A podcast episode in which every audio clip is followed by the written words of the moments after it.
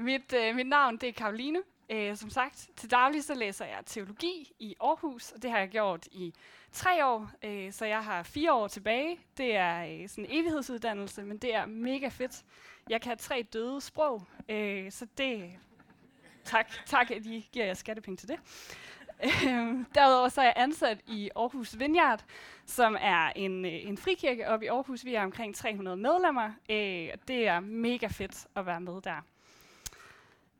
Ja, og så har jeg lavet sommeroase i fem år, og påskeoase, jeg har været timelærer på øh, Brydhøj, gitteromarbejder i to år, og sådan, så jeg har været øh, ja, en del af Dansk Oase i mange år, og øh, har bare ja, elsker at være med der. Øh, var lidt vemodigt at skulle ja, give sommeroase op i år, men jeg er sikker på, at jeg ikke var den eneste, der havde det sådan. Jeg elsker at lave kirke, og det er også, altså, som I kan høre, så meget af min hverdag går faktisk på at tænke på kirke, lave kirke. Øhm, jeg er helt vildt optaget af, hvordan det ser ud at leve med Gud i 2020 i vores sådan, dagligdags trummerum. Og øh, det sidste års tid, så har jeg virkelig haft oplevelsen af, at Gud han har kaldt mig dybere ind i noget af det her. Sådan kaldt mig dybere ind i relationen med ham. Og jeg oplever, at det er blevet meget konkret for mig, ved at Gud har peget på nogle ting i mit liv, som på en eller anden måde sådan, forhindrer relationen med ham. Enten noget, jeg gør sådan helt bevidst, også nogle sådan små ubevidste ting, som jeg fylder min hverdag med, som på en eller anden måde bare sådan blokerer. Og det har været afslørende, og det har været helbredende på en og samme tid. Og det er noget af det, som jeg er blevet konfronteret med, som jeg vil dele med jer her i dag. Og jeg skal tale om noget af det, som jeg er helt vildt optaget af, og det er det, jeg kalder Guds rige, eller Guds herredømme. Vi har lige sunget en masse om, øh, ja, om Gud som herre, Gud som konge, og overskriften for i dag er også, Gud er konge. Så det skal vi kigge lidt på.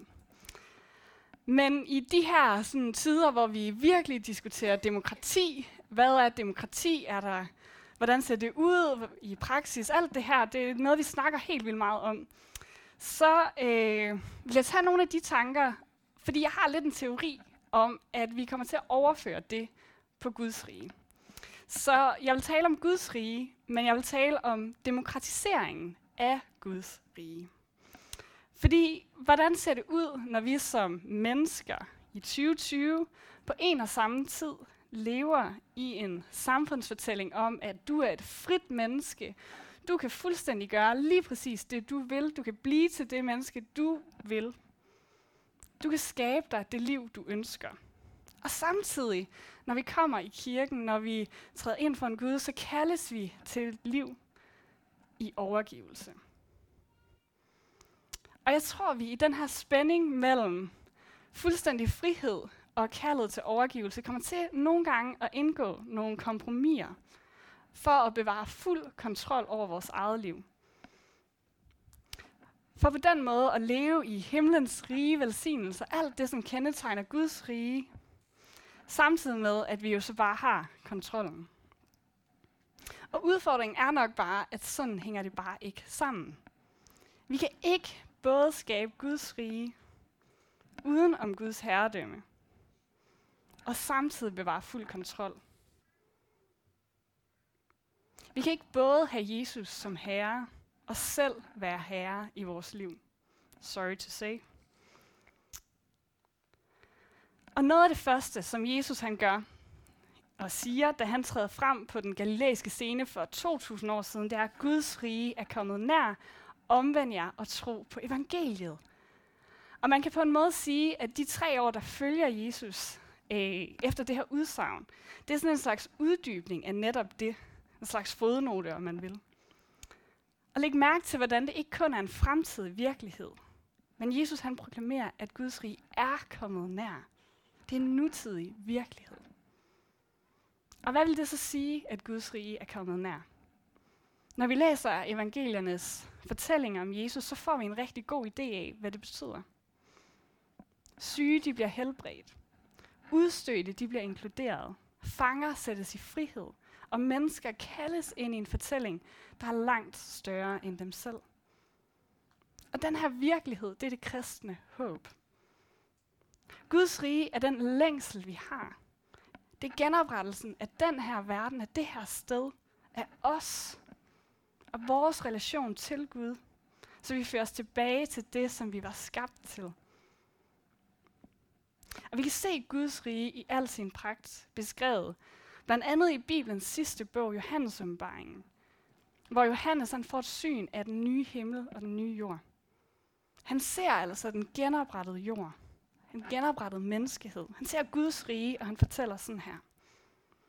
Og jeg hørte en høj røst fra tronen sige, nu er Guds bolig hos menneskene, og han vil bo hos dem, og de skal være hans folk, og Gud selv vil være hos dem. Og han vil tørre hver tårer deres øjne, og døden skal ikke være mere. Ej heller sorg, ej heller skrig, ej heller pine skal være mere. Til det, der var før, er forsvundet. Og han, der sidder på tronen, sagde, se, jeg gør alting nyt. Lidt tidligere så ser han et syn, hvor der er en masse engle, der tilbeder Jesus med sang, og de synger sådan her. Store og underfulde er dine gerninger, du Herre, Gud. Almægtige, retfærdige og sande er dine veje, du folkenes konge.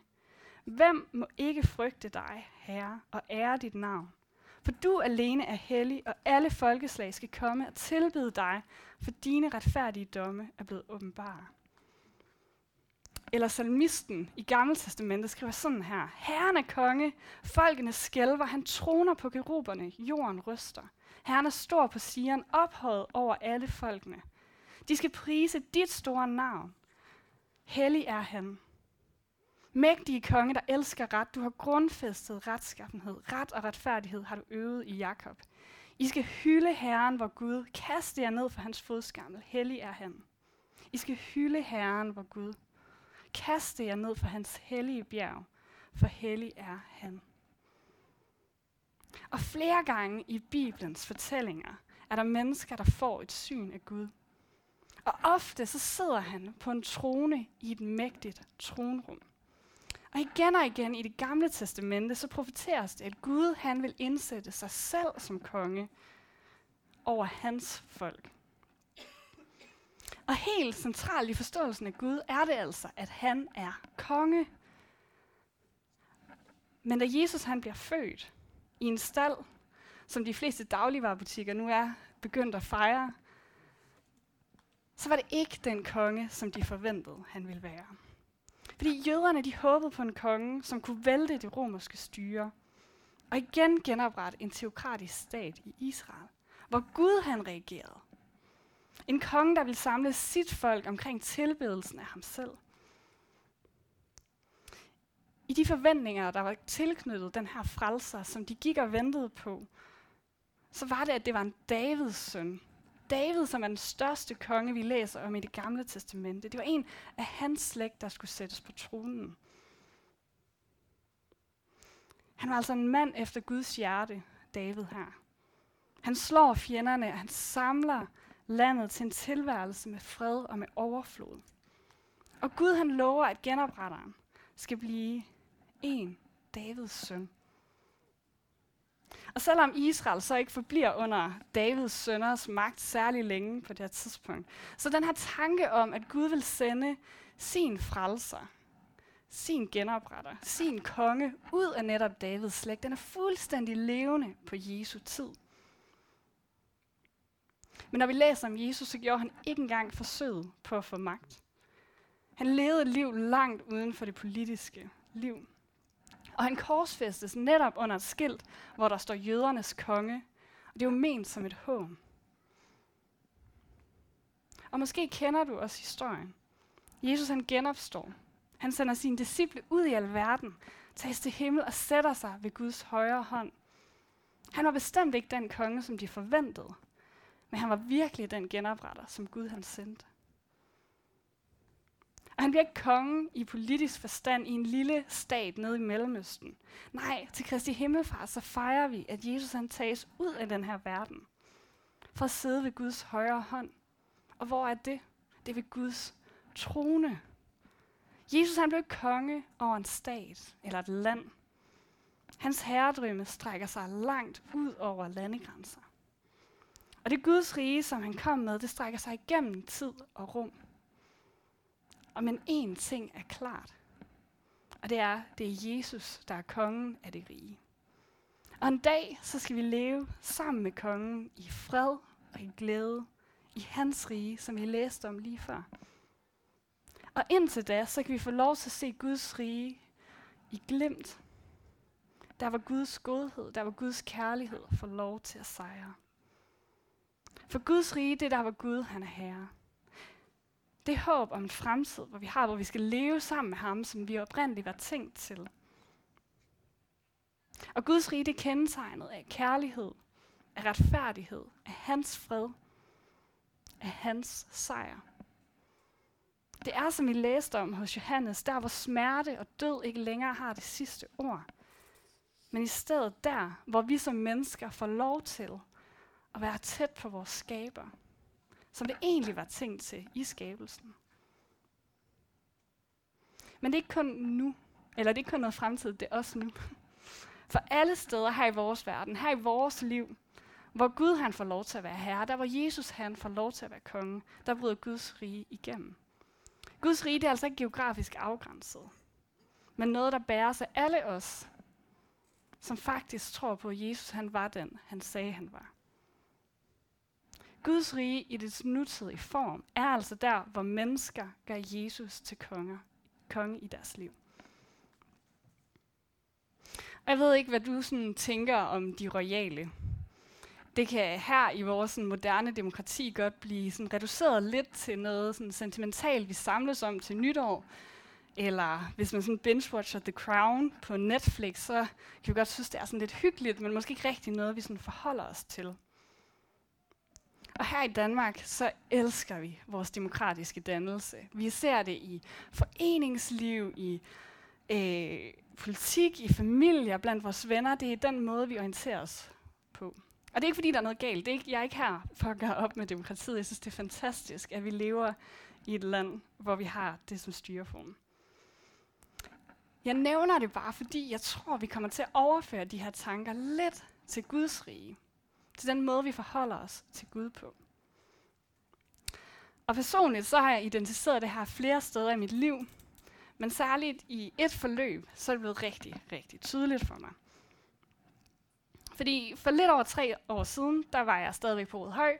Jeg skulle til at vælge uddannelse, og øh, jeg vidste, jeg ville flytte til Aarhus, men det var sådan set også det, jeg vidste. Og jeg var virkelig i tvivl om, hvad jeg skulle søge ind på, så jeg hoppede rundt mellem en masse humanistiske uddannelser. Jeg skulle være, læse psykologi eller antropologi, jeg skulle en hel masse. Og i årene op til, så havde jeg arbejdet øh, netop på Rødhøj Efterskole, men jeg havde så arbejdet med en masse kirkelige ting. Jeg har arbejdet med et, ja, Dansk Oase i mange år. Og, øh, og jeg elskede det. Jeg elskede at få lov til at være med til at lave kirke, få lov til at være med til at lave kristne lejre, få lov til at facilitere nogle af de her ting på Rødhøj. Og jeg nørdede, jeg nørdede virkelig meget Bibel. Øh, jeg nørdede græsk, før jeg startede på, øh, på teologi. Og, øh, og det var i sådan en grad, at øh, der var en elev fra min øh, ja, hvad hedder det, øh, familiegruppe, var det, jeg skulle sige. Og en elev, som til sidst blev så irriteret på at høre på mig, og hun bare sådan udbryder, sådan i ren frustration, sådan, Øh, Karoline, det er som om Paulus er din bedste ven. Og hun mente det virkelig som et diss, hun var virkelig træt af mig. Men det er virkelig, altså det er et af de bedste komplimenter, jeg har fået. Fordi det fodrede, det fodrede sådan en lille stemme, jeg havde nede bagved, som var sådan, åh, Karoline, du skal læse teologi. Kunne det ikke være fedt, hvis du læste teologi? Og jeg havde virkelig mange årsager til, at jeg ikke skulle læse teologi. Og jeg troede nok ikke øh, overhovedet på nogen af dem, men jeg holdt fast i den, fordi det havde jeg ikke lige tænkt, at jeg skulle. Og det år, så tog jeg med på øh, Vineyards lederkonference i København. Og jeg kan huske, dengang lovsangen begynder, så beder jeg, ligesom Jakob beder det i det gamle testamente, Gud, jeg slipper dig ikke, før du velsigner mig. Altså Gud, jeg tager ikke herfra, før du har fortalt mig, hvad jeg skal bruge mit liv på. Ja, og den aften, så var det en præst fra Nordjylland, som talte. Og jeg kan huske, at jeg tænkte, mens han fortalte om, hvad det var, de lavede, jeg tænkte sådan, okay, hvis kirke kan se sådan der ud, så vil jeg faktisk gerne være med. Så, så kan jeg godt se mig selv arbejde med kirke. Og i det øjeblik, så indgår jeg i forhandlingerne med Gud. Og jeg siger, Gud, du må få teologi, jeg skal nok søge ind på teologi, men jeg skal ikke være præst. Og jeg tror, der er mange teologistuderende, der har sagt det i tidens løb. Året efter, så tager jeg afsted på den her lederkonference igen. Og øh, jeg er godt i gang med andet semester på teologi, og jeg elsker det. Jeg elsker det virkelig. Og øh, den her gang, så var det en præst fra USA, som var at fortælle øh, om hans arbejde. Og øh, han fortæller på et tidspunkt om, hvordan han bliver kaldet til at være præst. Og han fortæller, at han har fået sådan et billede af øh, ham, der har ret håret på sådan en, u, en ubekendt eller u, ansigtsløs brud. Og så føler han, eller har oplevet levelsen af, at Gud siger til ham, prepare my bride. Hvor bruden altså er det her billede på kirken. Han bare indrømme, at i det øjeblik, han siger de her ord, så bliver mit liv aldrig helt det samme igen. Fordi der var, der var noget, der vågnede ind i mig. Der var noget, der sådan begyndte at brænde, og jeg var sådan, åh, oh, shit. Og så begyndte jeg forhandlingerne med Gud.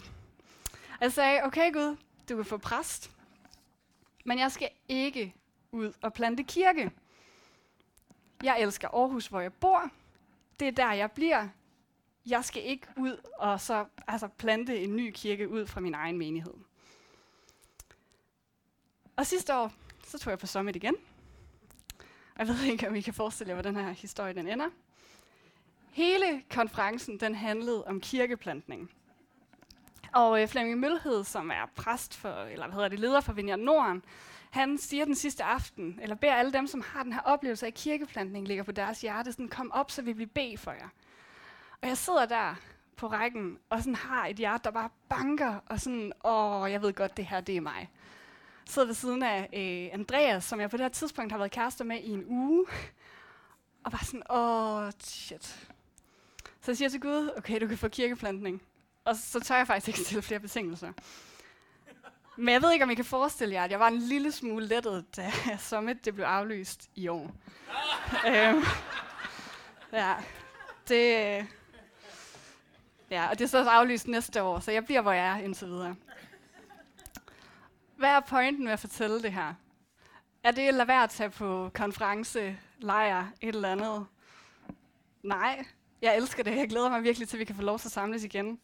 I kan eventuelt lade være med at bede, som jeg gjorde, hvis I ikke vil have, have jeres liv forandret. Men øh, grunden til, at jeg fortæller det her, det er, at det er et treårigt langt eksempel på demokratiseringen af Guds rige. Fordi jeg bad Gud om at vise mig en vej. Men da han så gjorde det, så satte jeg mig godt til rette ved forhandlingsbordet. Fordi Jesus, han var ikke konge i mit liv. Han var en eller anden part, som jeg skulle blive enig med, indgå nogle kompromiser med, for at jeg kunne komme videre i mit eget liv. Fordi jeg ønskede at bevare fuld kontrol over mit liv, samtidig med, at jeg ønskede, at Gud han banede vejen. Han velsignede vejen, som jeg nu selv havde udstukket. Men efter tre års forhandlinger, så måtte jeg overgive mig. Og ærligt, så er det det bedste, jeg nogensinde har gjort. Jeg vågner stadigvæk nogle gange før mit vækkeur i ren begejstring over at skulle på studiet. Jeg har altså været i gang i tre år nu. Jeg glæder mig til at få lov til at studere noget, der er så vanvittigt spændende. Og det samme med at arbejde med kirke. De sidste to søndage har jeg på et eller andet tidspunkt stået nede bagved og grædt. Jeg er ikke sådan en menneske, der egentlig græder. Men det er lige kommet over mig. Jeg har grædt i ren taknemmelighed over, at jeg får lov til at være en del af den fortælling, Gud er ved at skrive i Aarhus. Og det er helt vanvittigt hårdt nogle dage. Men det er aldrig uden mening. Jeg må bare sige, at overgive min frihed til Jesus, det er det mest befriende, jeg nogensinde har gjort. At overgive kontrollen over mit liv til ham, der i kærlighed har skabt det hele, og er i gang med at genoprette det hele. Og vide, at han er i fuld kontrol over mit liv. Det har været så god en beslutning. Fordi det betyder, at jeg ikke længere har ansvaret for at regne mit liv ud og skabe min egen lykke. Men jeg kan stole på, at Gud han bærer mig igennem livet. Og det betyder, at jeg får lov til at være i gang med det, Gud er i gang med at gøre i den her verden. At jeg bliver en del af en fortælling, der strækker så langt ud over min egen lille navle. Og det er altså ikke fordi, jeg læser teologi eller arbejder med kirke. Det her det kan også ske som folkeskolelærer, eller som håndværker, eller et eller andet andet sted. Det er simpelthen ikke det, det handler om.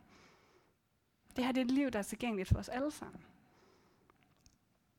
Fordi Jesus han kom ikke som en slags lobbyist. Vi på en eller anden måde skal bare have til at sidde ved forhandlingsbordet, og så kan han komme med sin mening en gang imellem. Det er så ikke det, han ønsker. Han kommer og annoncerer, at Guds rige, det er nær. Og at han er kongen af det rige. Og han inviterer os til at være en del af det. Men det betyder også at være under hans herredømme, under hans autoritet. Og det er her, filmen godt kan knække for mange af os. Fordi Guds rige, det er kendetegnet af Jesus sejr over alt, der er sygt og ondt i den her verden. Det er kendetegnet af kærlighed, af tilgivelse, af genoprettelse, af fred og retfærdighed. Det er kendetegnet af fest og glæde. Og jeg tror, der er meget få mennesker, der vil sige nej tak til at være en del af en virkelighed, der ser sådan her ud. Men vi vil heller ikke helt underlægge os hans herredømme. Så vi forsøger at skabe det her kongerige uden om kongen, så vi kan nyde alle de her velsignelser, og samtidig bevare vores fulde kontrol og vores fulde frihed. Og så er det, vi giver os til at forhandle lidt med Gud, hvis vi ikke bare ignorerer den retning, som han stikker ud. Fordi sandheden er, at vi vil gerne selv være konger og dronninger i vores eget liv. Vores kulturelle narrativ, det er, at du er herre i dit eget liv. Herre over din egen skæbne, og du har fuldstændig frihed til at skabe dig det liv, som du drømmer om. Du er et frit menneske, og der er frit valg på alle hylder. Og så er det, at vi alle sammen render rundt som små konger og dronninger, og forsøger at skabe os et godt liv. Og så skubber vi Jesus af tronen, og så har ham sådan lidt ude i periferien, som sådan en moralens vogter, eller sådan en blød cheerleader, der bare står og hæpper på alt, vi gør. Og når frugterne af Guds rige så ikke bryder frem, når vi ikke ser den her virkelighed i vores liv, så kan vi godt blive sådan lidt frustreret, og så mene, at det er fordi Gud ikke har gjort sit arbejde godt nok. At Gud han er langt væk. Men den her uindskrænkede frihed til at leve fuldstændig som det passer mig, og retfærdigheden, freden, omsorgen for den næste, det kan simpelthen ikke leve side om side. For ingen kan tjene to herrer, siger Jesus. Du kan ikke tjene Gud og dig selv. Du kan ikke både leve i Guds rige og i din egen uindskrænkede frihed. Enten så er du konge eller dronning i dit eget liv, eller også så er Jesus. Og en anden måde, man kan snakke om det her på, det er at snakke om overgivelse. At vi overgiver os. At min vilje, den underlægger sig hans. Sådan at han får det sidste ord. Sådan som vi beder i fader hvor, ske din vilje. Komme dit rige. Og da Jesus han kom og proklamerede, at Guds rige det er nær, så inviterede han dem, han mødte til at være med. Og hvad var invitationen? Den var, kom og følg mig. Disciplerne, de efterlod alt, hvad de kendte. Deres planer, deres drømme, deres faste arbejde, for at følge efter Jesus. De overlod dybest set deres liv i Jesu hænder. Og fulgte ham der, hvor han gik. De overgav kontrollen for morgendagen. Og friheden til selv at vælge, hvor de skulle hen. Og hvad de lavede. Og det her følg mig, det lyder også i dag. Og jeg tror faktisk, det har nogle af de samme konsekvenser for os. Du er nødt til at overgive kontrollen til Jesus. Og det her det er vildt udfordrende, jeg ved det godt. Det er også meget nemt at komme helt fra Aarhus og så bringe det her og så tage afsted igen. Men jeg kæmper virkelig med det. Jeg elsker at have kontrol over de ting, der sker omkring mig. Jeg bliver sådan hyperstruktureret og sådan næsten helt rigid omkring rytlighed og kontrol for sådan på en eller anden måde at skabe illusionen om, ja, at jeg har kontrol i mit liv, i min ydre verden og i min indre verden. Men er der noget, det sidste halve års tid har lært os, så er det vist, at vi ikke er i kontrol. Og jeg har mest af alt lyst til at knuge mig til de ting, som på en eller anden måde kan skabe den her illusion af kontrol i mit liv.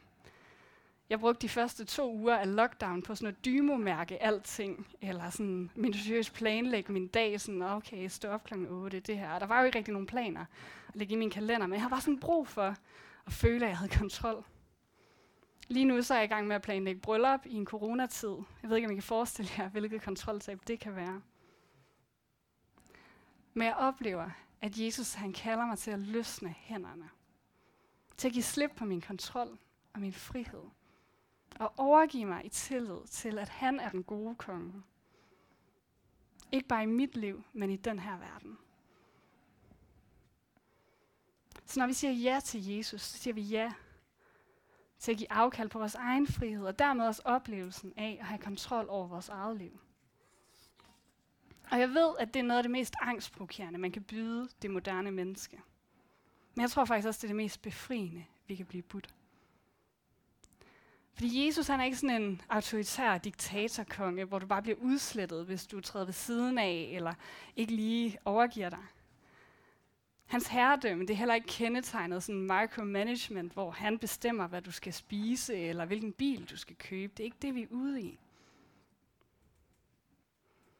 Jesus han er den fader, som kommer os løbende i møde, når vi har været på afvej. Han er den brudgom, som kigger på os med øjne fyldt af kærlighed. Det er den konge. Han vil dig kun det aller, aller bedste. Han er ikke ude på at gøre dit liv trist eller kedeligt. Så overgiv vores frie vilje og gør Jesus til kongen ved at tjene ham med vores liv. Det gør os ikke sådan kirken eller Guds folk, det gør os ikke til sådan en grå masse, som alle sammen render rundt med hovedet under armen. Når Jesus han bliver kongen i vores liv, så kommer vi tæt i kontakt med skaberen, med genopretteren, og vi får lov til at træde ind i det liv, der er tænkt for os. Guds rige, det er kærlighed. Eller Gud er kærlighed. Og derfor er Guds rige også et rige, der er kendetegnet af kærlighed. Og ikke den her lyserøde pusse kærlighed, men en jeg vil gå i døden for dig kærlighed. Og der er ingen tvang i kærlighedens væsen. Det kan simpelthen ikke findes i kærligheden. Så Jesus han svinger sig ikke op på tronen af dit liv. Det er ikke sådan et kup, der er i gang. Men han inviterer dig ind i Guds rige, hvor han er kongen. Han inviterer dig til at overgive din frihed, til at overgive kontrollen til ham. Invitationen er til at træde ned af tronen i vores eget liv, og i stedet anerkende, at skaberen af det hele, ham der genopretter det hele, måske faktisk er en bedre konge, end vi er. Og overgivelse, det kræver tillid. Og spørgsmålet er dybest set, om du tror på, at når Gud, eller når Jesus han bringer Guds rige, så er det faktisk det bedste sted for dig at være. At vores oplevelse af frihed og kontrol her, den er så bleg i forhold til, hvad han kalder dig ind i. Det liv, som kongernes konge inviterer dig til at være sammen med. Så når han kalder dig til at gå hans vej, så er det faktisk, fordi det er den bedste vej at gå. Og når han i sit ord kalder os ind i et liv, der er kendetegnet af overgivelse af vores egen fri vilje, så er det faktisk, fordi hans vilje, hans tanker om os, de overgår vores med længder. Fordi når Jesus han inviterer dig i Guds rige, så inviterer han dig til at være en del af en fortælling, der er meget større end dig selv. Der strækker langt ud over dig selv. Det går som sagt gennem tid og rum. Og det er det her, vi kan få lov til at bære med på. Så mit spørgsmål her i dag, som jeg er kommet helt fra Aarhus for at stille, det er, hvem er kongen i dit liv? Over din kalender, over dine relationer, de historier, du fortæller om dig selv. Er det dig selv, eller er det Jesus? Og har du måske forsøgt at forhandle dig til et kompromis, som egentlig kun er en skygge af det, som Jesus har for dig? Hvad med din økonomi? Bruger du den til at bygge dit eget kongerige, eller sår du den ind i Guds rige og en fortælling, der strækker langt ud over dig selv? Og tør du overgive herredømmet til ham, helt uden forhandlinger? Bare giv det. Fordi vi kan ikke både være konger i vores eget liv og have Jesus som herre. Og det her med overgivelse til Jesus, det er en proces. Godt for det til at lyde, som om det er sådan blemme, så er det der bare. Sådan er det ikke nødvendigvis. Jeg selv, som I måske kan høre, lidt en kontrolfreak, der er i gang med sådan at komme sig. Det er noget af det her Gud, han virkelig har peget på i mit liv det seneste år. Og gang på gang, så knuger jeg mig til min egen forståelse, til min egen vilje. Men Jesus han er tålmodig med mig, og han kalder mig til at løsne hænderne, til at løsne grebet, og lade mig gribe af ham. Og venner, jeg må bare sige, det her det er så livgivende. Og helt konkret, så oplever jeg, at når Jesus han får lov til at være herre i mit liv, så giver det mig en dyb, dyb fred. Det er sådan, jeg prøver at navigere i det. Det at sige, hvor er det, jeg oplever fred helt ned i sjælen. Og det betyder ikke, at det ikke stormer. Det betyder ikke, at tingene ikke kan være hårde, eller udfordrende, eller svære. Men Jesus, han giver mig fred, når han får lov til at være konge i mit liv. Midt i stormen, midt i uvidsheden, midt i kedsomheden. Og for mig, så er det blevet noget af det, jeg sådan helt konkret prøver at orientere mig ud fra i min hverdag. For at finde den her Guds vilje. Jesus han sagde, at Guds rige er kommet nær. Og det er ikke bare et spørgsmål om, hvor vi ender, når vi dør. Men det er en invitation til at overgive herredømmet til ham. Og tro på, at når Jesus han lover os liv i overflod, så er det meget bedre, end hvad vi selv kunne mønstre i vores egen kraft. Skal vi slutte af med at bede? Jesus, tak, at du er den gode konge. Tak, at du er kommet for at skabe dit rige her. Tak, at du skaber dit rige her i Kolding. At du kalder mennesker ind i liv med dig. Og jeg beder dig, at du vil åbne vores hjerter. Vil du røre ved os nu? Vil du måske pege på de ting i vores liv, hvor vi har forhandlet os til nogle kompromiser, som kun er en skygge af, hvad du tilbyder os? Vil du hjælpe os til at løsne grebet og orientere os mod dig? Se mod dig, der sidder på tronen og hersker, som er ved at genoprette den her verden, som er ved at genoprette os hver især. Jeg beder dig, at vi må have mod til at træde ud i det her liv, som du har for os. Vil du give os øjne, der ser, og ører, der lytter efter, hvad du gør i vores liv og igennem os, sådan at vi, vi må kunne se, hvad der er din vilje, vi må kunne skønne det, vi må kunne gå på det. Jesus, jeg beder dig, vil du velsigne det, du gør i rummet lige nu? Vil du komme og tale til os? Hver især, helt konkret med det, du har for os i dag. Vil du bryde de barriere ned, som måske kan øh, ja, forhindre det, som du, du kommer med her? Ja. Amen.